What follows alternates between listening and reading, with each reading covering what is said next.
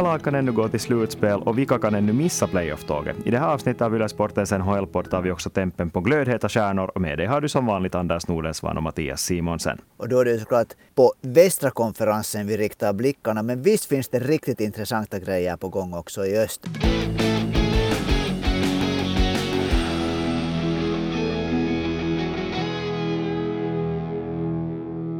Ja, nu är det ju så att slutspelet närmar sig med stormsteg. När vi bandar in det här avsnittet så finns det ännu lag som är, har mer än tio matcher kvar av grundserien, men den absoluta majoriteten av ligan har färre än så kvar. Och det innebär ju att uh, vi vet ganska mycket om vilka lag som kommer att gå till slutspel, men det finns fortfarande vissa som kan knipa de där sista playoff-biljetterna. Det här har vi fått in frågor om. Edvin undrar vem det ännu är som kan gå till slutspel och vem som i så fall faller bort. Och om vi börjar med den östra konferensen, för där är det ju ändå så att där vet vi åtminstone vilka lagen är som kommer att gå till slutspel. Sen är det lite oklart att hur rangordningen mellan dem sinsemellan kommer att vara. Ja, där blir det ju verkligt intressant eftersom det är så att det är då de tre första lagen i båda divisionerna som går direkt vidare och sen är det då de, de, de två bästa sammanlagt som får wildcard. Och nu kommer det att bli så att fyran i, i Metropolitan Division Washington och fyran i Atlantic Division Boston båda kommer med säkerhet att vara i slutspelet. Men båda har också ännu en chans att stiga upp till trea. Och det här är ju på det sättet intressant att när det sen blir så att vinnarna i båda divisionerna kommer att äh, möta de här wildcard-lagen. Så där kan det liksom bli verkligt intressanta matchpar beroende på hur det här slutet nu ter sig. Det som alla ju vill undvika är ju att sluta på en wildcard-plats. Att man vill knipa en plats bland de här tre främsta i varje division. Och då blir det ju ganska intressant, framför allt i Atlantic, där Boston har inte bara en reell chans att nå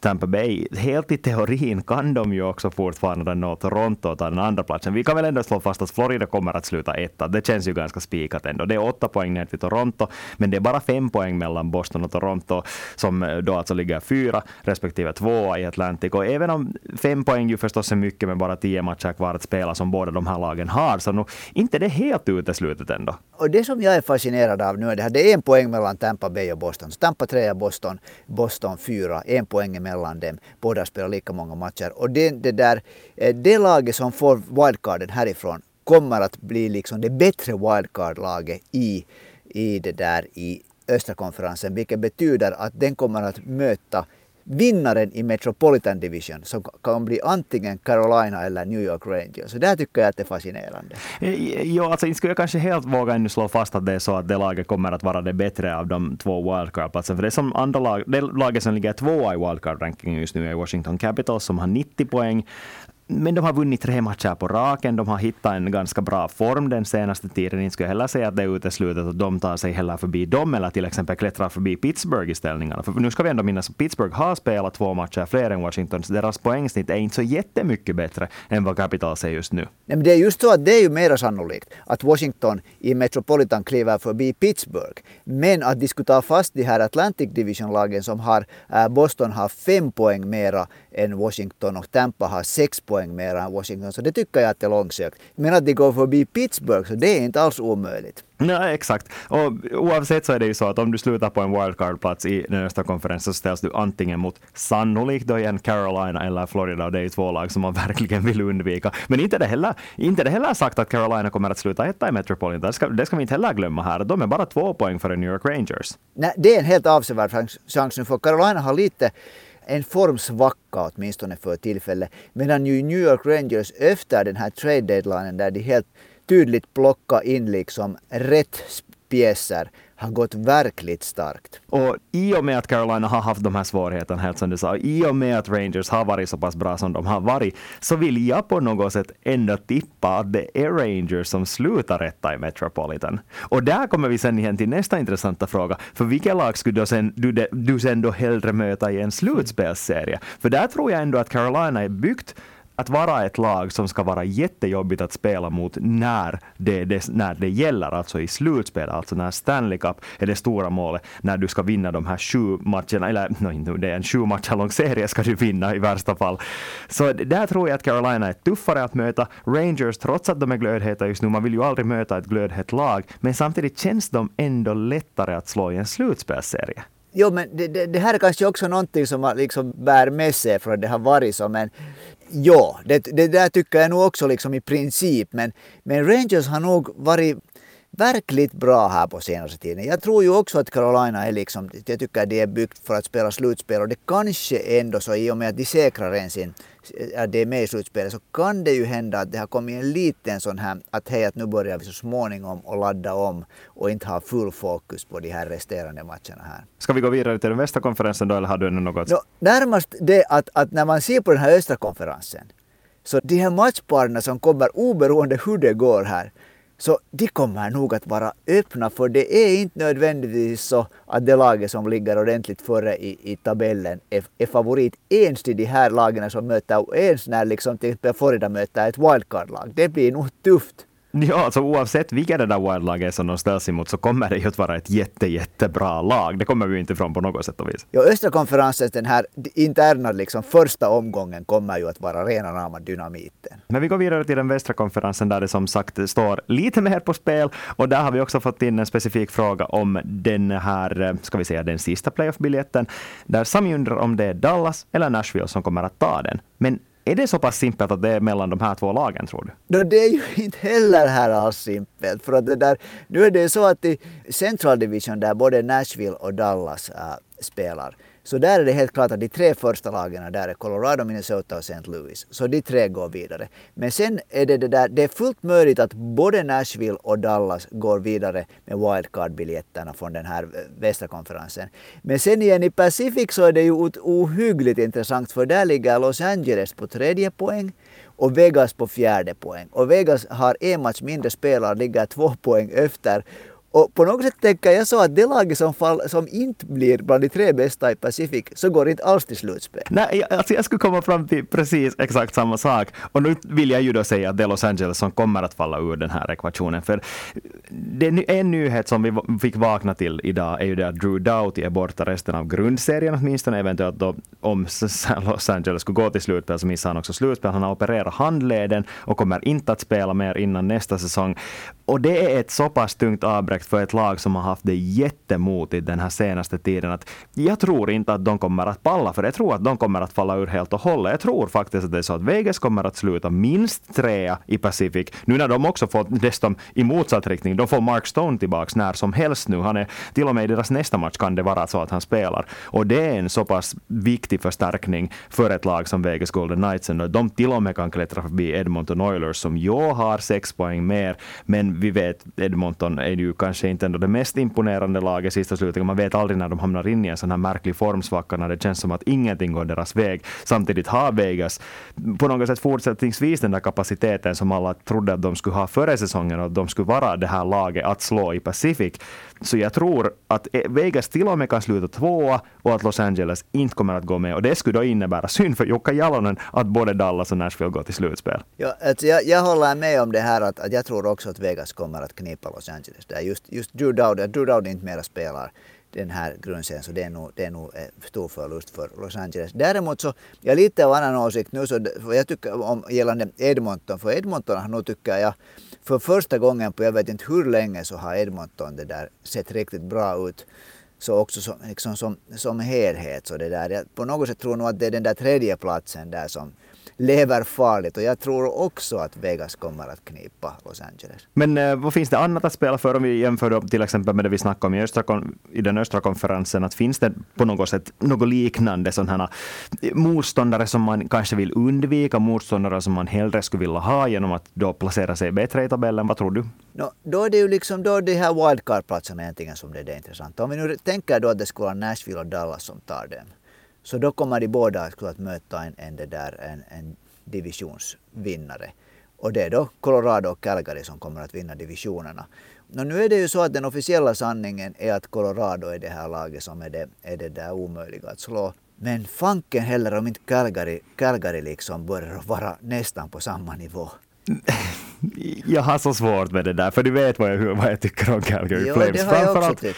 framförallt i slutspel, för det är det att de har gjort jättebra grundserier tidigare också sen totalt floppa i slutspel. Och jag ser inte ja. vad som är annorlunda i det här laget. Jo, okej, okay, de har Daryl Sutter, men jag bara, jag vet inte, det är upp till bevis för dem och då skulle jag nog absolut hellre möta dem än Colorado, så jag tror nog att om, det nu, om vi nu utgår från det att vår vår framtidsvision eh, om att det är Los Angeles Kings som faller ut härifrån, att det är Nashville och Dallas som gör upp om de här, eh, vem som slutar etta bland wildcard-lagen och vem som således är de som får möta Calgary. För jag vill faktiskt använda ordet får där, för jag tror ja. att Calgary är så pass mycket lättare motståndare att det faktiskt ska vara morot för båda lagen att vilja möta dem. Jag är i princip av samma åsikt. Jag, jag, jag är i samma, av samma åsikt nog det där. Men jag, jag vill bara liksom lyfta fram att för jag, jag har också det här problemet att jag hela tiden liksom tycker att, att man inte riktigt kan ta Calgary på allvar. Men när man ser dem spela så nu är de väldigt bra. Men det som ju är ganska spännande är att om det nu går då på det sättet och jag tror ju att Nashville kommer att hålla Dallas bakom sig. På något sätt har jag den känslan. Så det där, om Dallas nu är då det sista wildcard-laget och spelar mot Colorado, så då är det ju lite igen sån här spöken som stiger framför Colorados del. För Dallas har minsann varit en bitter motståndare för Colorado i slutspelet. Mm. Men samtidigt så känns det ändå som att Colorado är så pass mycket bättre i år. Att det är liksom, man kan inte liksom blicka tillbaka mot de här tidigare säsongerna när då speciellt Dallas har på pappret också varit jättemycket bättre. Att, att nu är det oavsett så att både Nashville och, och, Dallas har jättestora svagheter i sitt lag i jämförelse med Colorado och Calgary. Att nu ska vi inte ändå sticka under stol med att de är ju, kommer ju nog in i slutspelsserien som enorma underdogs oavsett vem de, vem de ställs mot. Men jag tror ändå bara, min åsikt är den att jag åtminstone hellre skulle möta Calgary. Jo, nu, jag håller nog med dig. Och, och, faktiskt när man liksom gräver det lite djupare så, så där, det, det känns ju inte egentligen alls som en, helt, en omöjlig tanke. När man ser Nashville är eh, väldigt fysiskt tufft. Ett väldigt fysiskt tufft lag, vilket de visar här mot Minnesota för några dagar sedan. Det där, att, att det där Nashville kan utmana Calgary nog ordentligt. Och nu är det ju så att inte ska det här, det här Dallas kan nog inte kunna utmana Colorado. Om Colorado inte faller in i någon psykisk grop så det där så, så, så där Dallas spel har sett så otroligt flaxigt ut att Colorado när de får också Gabbel Anderskog antagligen tillbaka så de ska ju nog nästan ja, köra över Dallas. Mm, och med Nashville måste vi ändå tillägga att de har en målvakt som har kapaciteten att frustrera sina motståndare om han spelar på rätt nivå. Men det har ju Calgary också. Om vi tänker att det där, eh, kolla just idag en sån här analys för The Hockey News var det antogs att det är de tre kandidaterna som går till finalen vad ska man säga, för Visina Trophy, bästa målvakten, är då Storkin för New York. Men sen nämndes de Saros och Markström som de följande.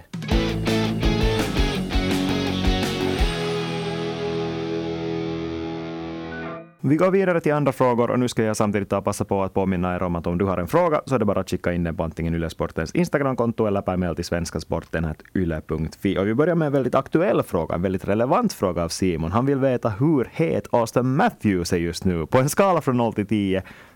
Och vi börjar med det och sen tar vi hans andra fråga. Vi börjar med den här. Hur het skulle du säga att Austin Matthews är just nu? Vad sa du att skalan var? 0 till 10. 13. Jag, jag vill...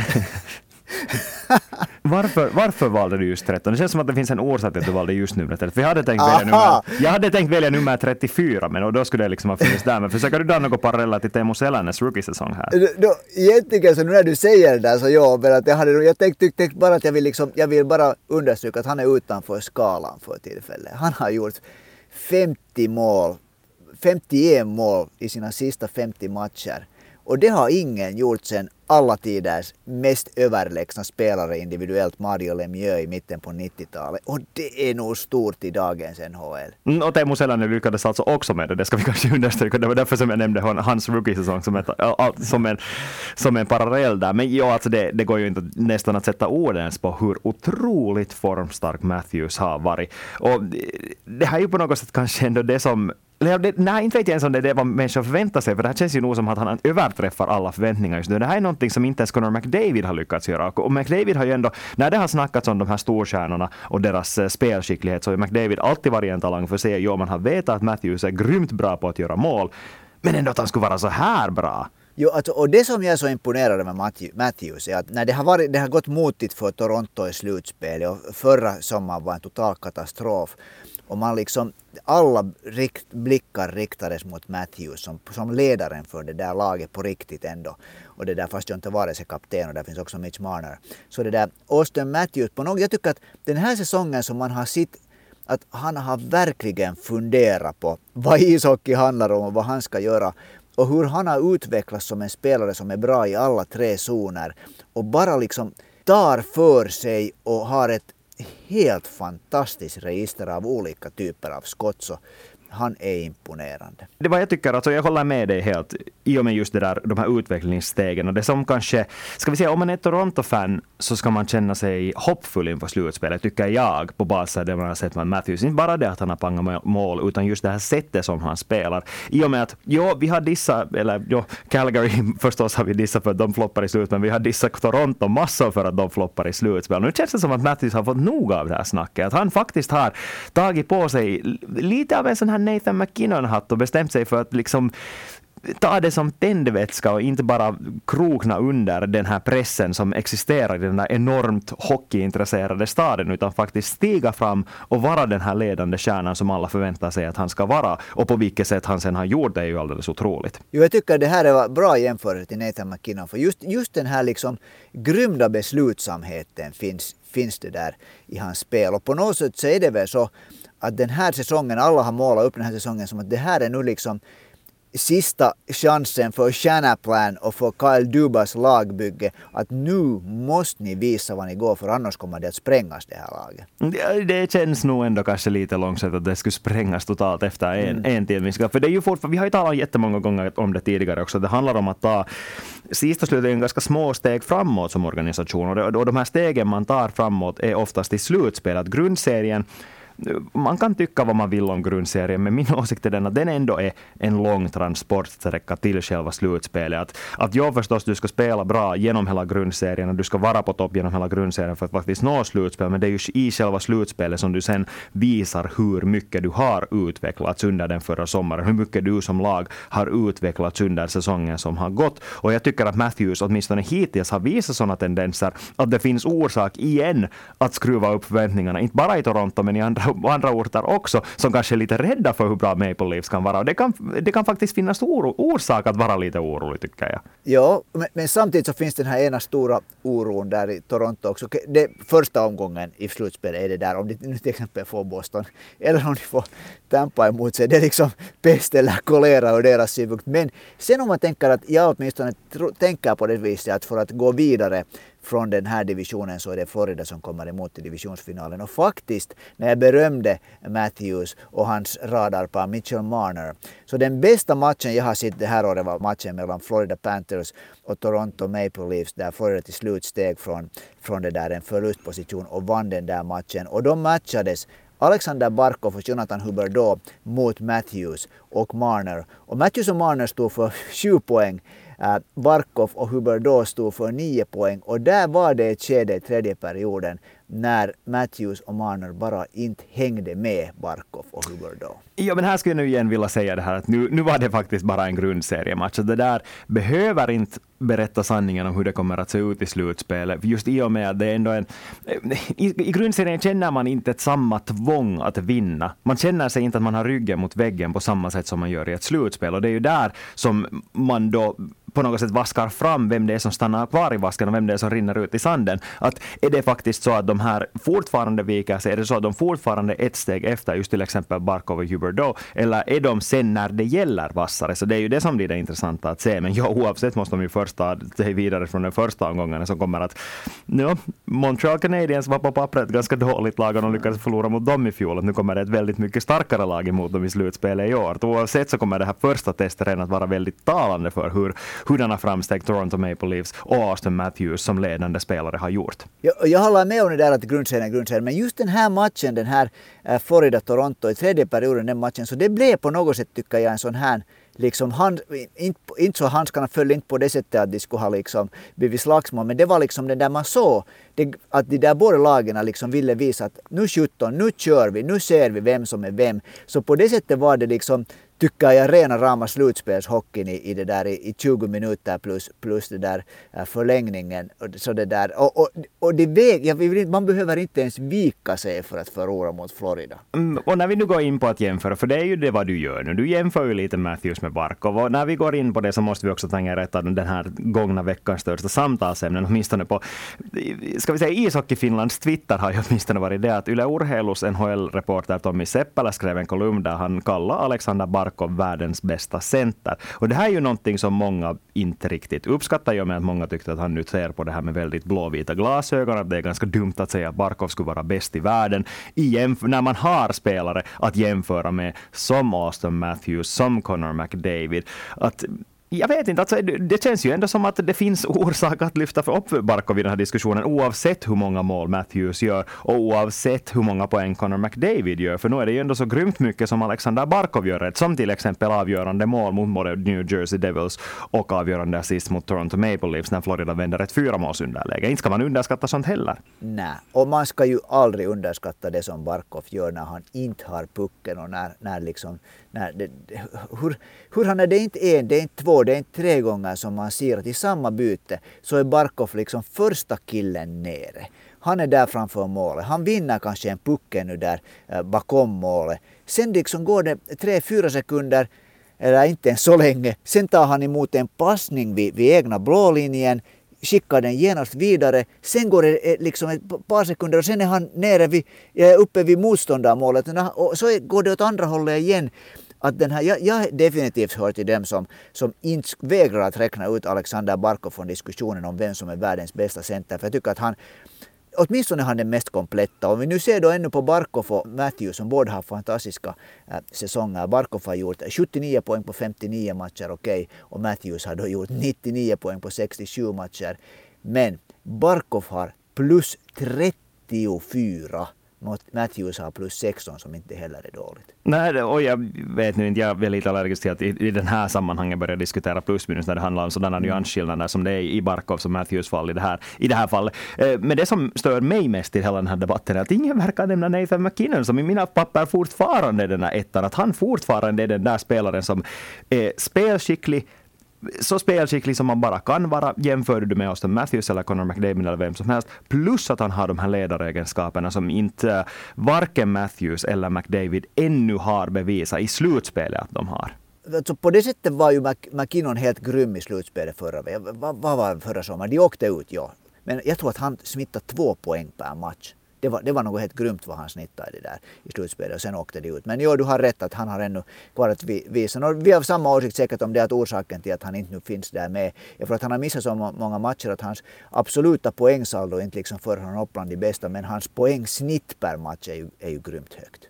Men på tal om mål, den andra delen av Simons fråga var hur många mål kommer Austin Matthews att göra den här säsongen? Slutspelet inkluderat. Vad är din tippning? Ja, slutspelet inkluderat? Mm, nej, slutspelet inkluderat.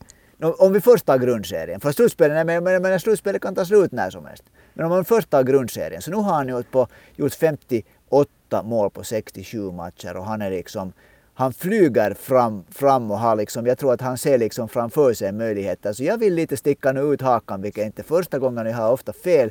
Och jag tror att den jäkeln når det där 70-strecket aldrig i livet att han når 70-strecket. Förlåt nu bara, nej, det kommer inte att hända. Han 15 kommer... matcher kvar. Ja, Nej vänta, han har ju inte 15 matcher kvar. Förlåt, jag tittade. Det han har spelat 67 matcher i år. Nej, nu tar jag tillbaka. Jag, jag tittade fel på det här. Jag tyckte att, hur många har Toronto spelat? De har spelat ju. Toronto har spelat 72 matcher. Just okej, okay. jag drar tillbaks. Det där, han har gjort alltså, men han gör, han gör åtta mål ännu. Han gör åtta mål ännu, vilket gör, han gör 66 mål. Nej, han gör fyra mål. Fyra mål på tio matcher är ganska bra snitt. Jag, jag tror inte Nej, att det kommer mer än Ja, jag har rätt. Fyra mål säger jag, vilket innebär ett uh, total på 62 mål och du säger då fyra mål till, så du säger 66 mål. Okej, då slutspelet. Hur många mål till? Äh, hur många omgångar spelar jag? Fortfarande, jag är gammal, gammal det där stofyl och jag kommer inte över att jag tror att, att om de får Boston eller Tampa emot sig i första omgången så åker de ut. Jag kan inte komma över det. Bevisa mig att jag har fel. Jag bugar mig om det är så. Och då säger jag att han gör fyra mål. Jag säger att de möter Tampa. Om de skulle möta Boston i den första omgången så då tror jag att Toronto faktiskt skulle klara det. För, eller Ja, det är nog ett så enormt svek. Oavsett, men jag tror inte att de kommer att möta Boston i första omgången, så här irrelevant. De kommer att ställa mot Tampa Bay, ett Tampa Bay som är väldigt bra på att ta ut det motståndarlagets största stjärnor. Så jag tror att det blir tre mål till i ja. den första omgången. Så det skulle innebära att mitt totalsaldo för hela säsongen, playoff inkluderat, skulle vara 65 mål. Ja, och jag skulle då ha 70 mål. Mm. Det är den officiella sanningen. Vi får se sen vem som kommer närmare.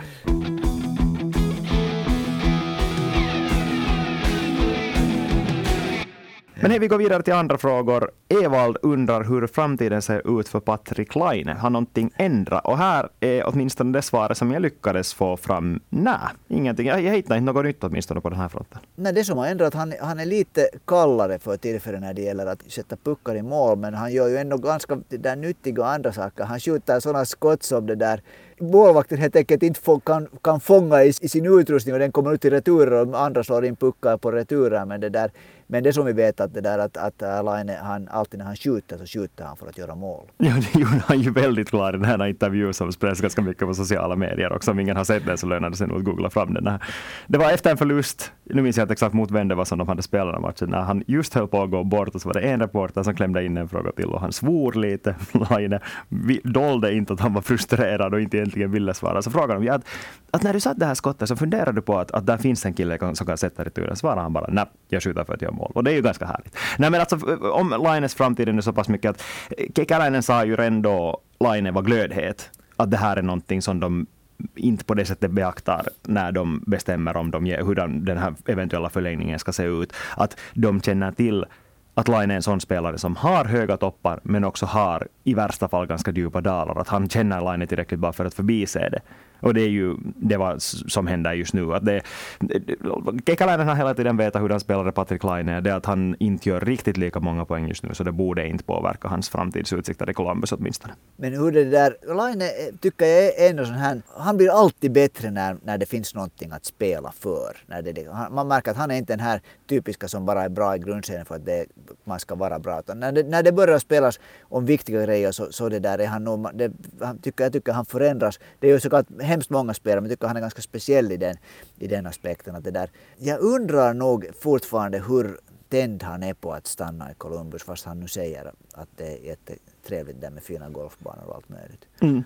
Vi vet inte heller om han är intresserad av att spela hockey-VM och vi har fått in en fråga om det också. Linus undrar vilka spelare som kan bli aktuella. Det här snackade vi om förra veckan. Det har inte ändrats så jättemycket sedan dess. Det enda som har ändrat är att Joel Armia har sagt att han skulle vara intresserad åtminstone. Det vet vi. Men annars är det nu ganska samma namn som vi diskuterade förra veckan. Ja, det, det kan vi säga att, att det får vi se sen. uh, Marcus undrar i sin tur hur dyra de här Europamatcherna är för NHL-lagen. Och då menar han alltså de här matcherna som Yle till exempel sänder, alltså de som kommer äh, spelas dagstid, amerikansk tid och äh, kvällstid, då till exempel finländsk tid, vilket innebär att man kan sända dem ganska publikvänlig tid i Finland. För han noterade att det var ganska lite folk på läktaren i Dallas senaste match. Så det är det här faktiskt något som NHL-lagen gillar. Och det enkla svaret här är det att jo, NHL-lagen gillar det här, för annars skulle de inte hålla på med det här. Att, att det att publiken i Dallas inte hittar till ishockeyarenan mitt på dagen så har nog ingenting att göra med att det är en match som, som spelas tidigt på dagen. För det här, det här är ju någonting som pågår i, i till exempel baseball. I MLB spelar man ju matcher mitt på dagen. I NFL spelar man matcher mitt på dagen exakt samma tid som de här matcherna, ishockeymatcherna spelas som kommer bra tid, finländsk tid. Att det, det handlar nog bara helt enkelt om det att, att Dallas-supportrarna är kanske lite medgångssupportrar. Ja, jag, jag har liksom ingenting att tillägga till det här, men när du nämnde det här, det här liksom matcher som Yle sänder, så ta nu lite och berätta vad Yle sänder nästa helg. Nästa helg, Minnesota St. Louis på lördag och eh, på påsk, vad, vad blir det, påskdagen? Och sen på annandag påsk Florida Detroit. Så två väldigt uh, intressanta matcher på olika sätt i och med att Minnesota St. Louis, där delar man ju om vem som ska sluta tvåa i Central, vem som ska få hemmafördelen med sig in i den här första omgången. Så väldigt intressant match på kommande, förhoppningsvis med Ville Husso mellan stolparna för St. Louis del. Och Florida Detroit så handlar det ju väl mest kanske om att se hur bra Alexander Barkov och Anton Lundell och gänget riktigt är just nu. Men, men St. Louis, Minnesota är ju en klassiker för det är två lag som, som har stött samman i slutspel och som liksom, där finns inte någon kärlek men en ganska ordentlig hatrelation mellan de här två lagen. Och det är ju det bästa. Men hej, ja. Marcus hade en fråga till, en fråga som vi dessvärre inte har tid att svara på, för det var han undrar att han skulle vilja ha, se statistik på om matcher är jämnare nu för tiden än de var före man slopar den här regeln för att matcher kan sluta oavgjort. Och det här skulle kräva en sån, sån empirisk studie som vi inte riktigt har tid att genomföra just nu. Men om någon av er som lyssnar sitter på en eh, statistisk genomgång av hur jämna matcher är nu för tiden i jämförelse med hur jämna matcher var tidigare, så skicka in det åt oss så kan vi dela med er av resultaten nästa avsnitt. Och när vi talar om nästa avsnitt ska jag också passa på att påpeka att vi nästa vecka kommer att börja dela ut de första betygen för finländarna som har överraskat mest, både positivt och negativt, och också börja ta en titt på vilka spelare som ska vara aktuella för de här olika prisen som delas ut efter grundserien. Så om ni har några påståenden, åsikter eller namn som ni vill att vi ska diskutera så är det fritt fram att skicka in dem.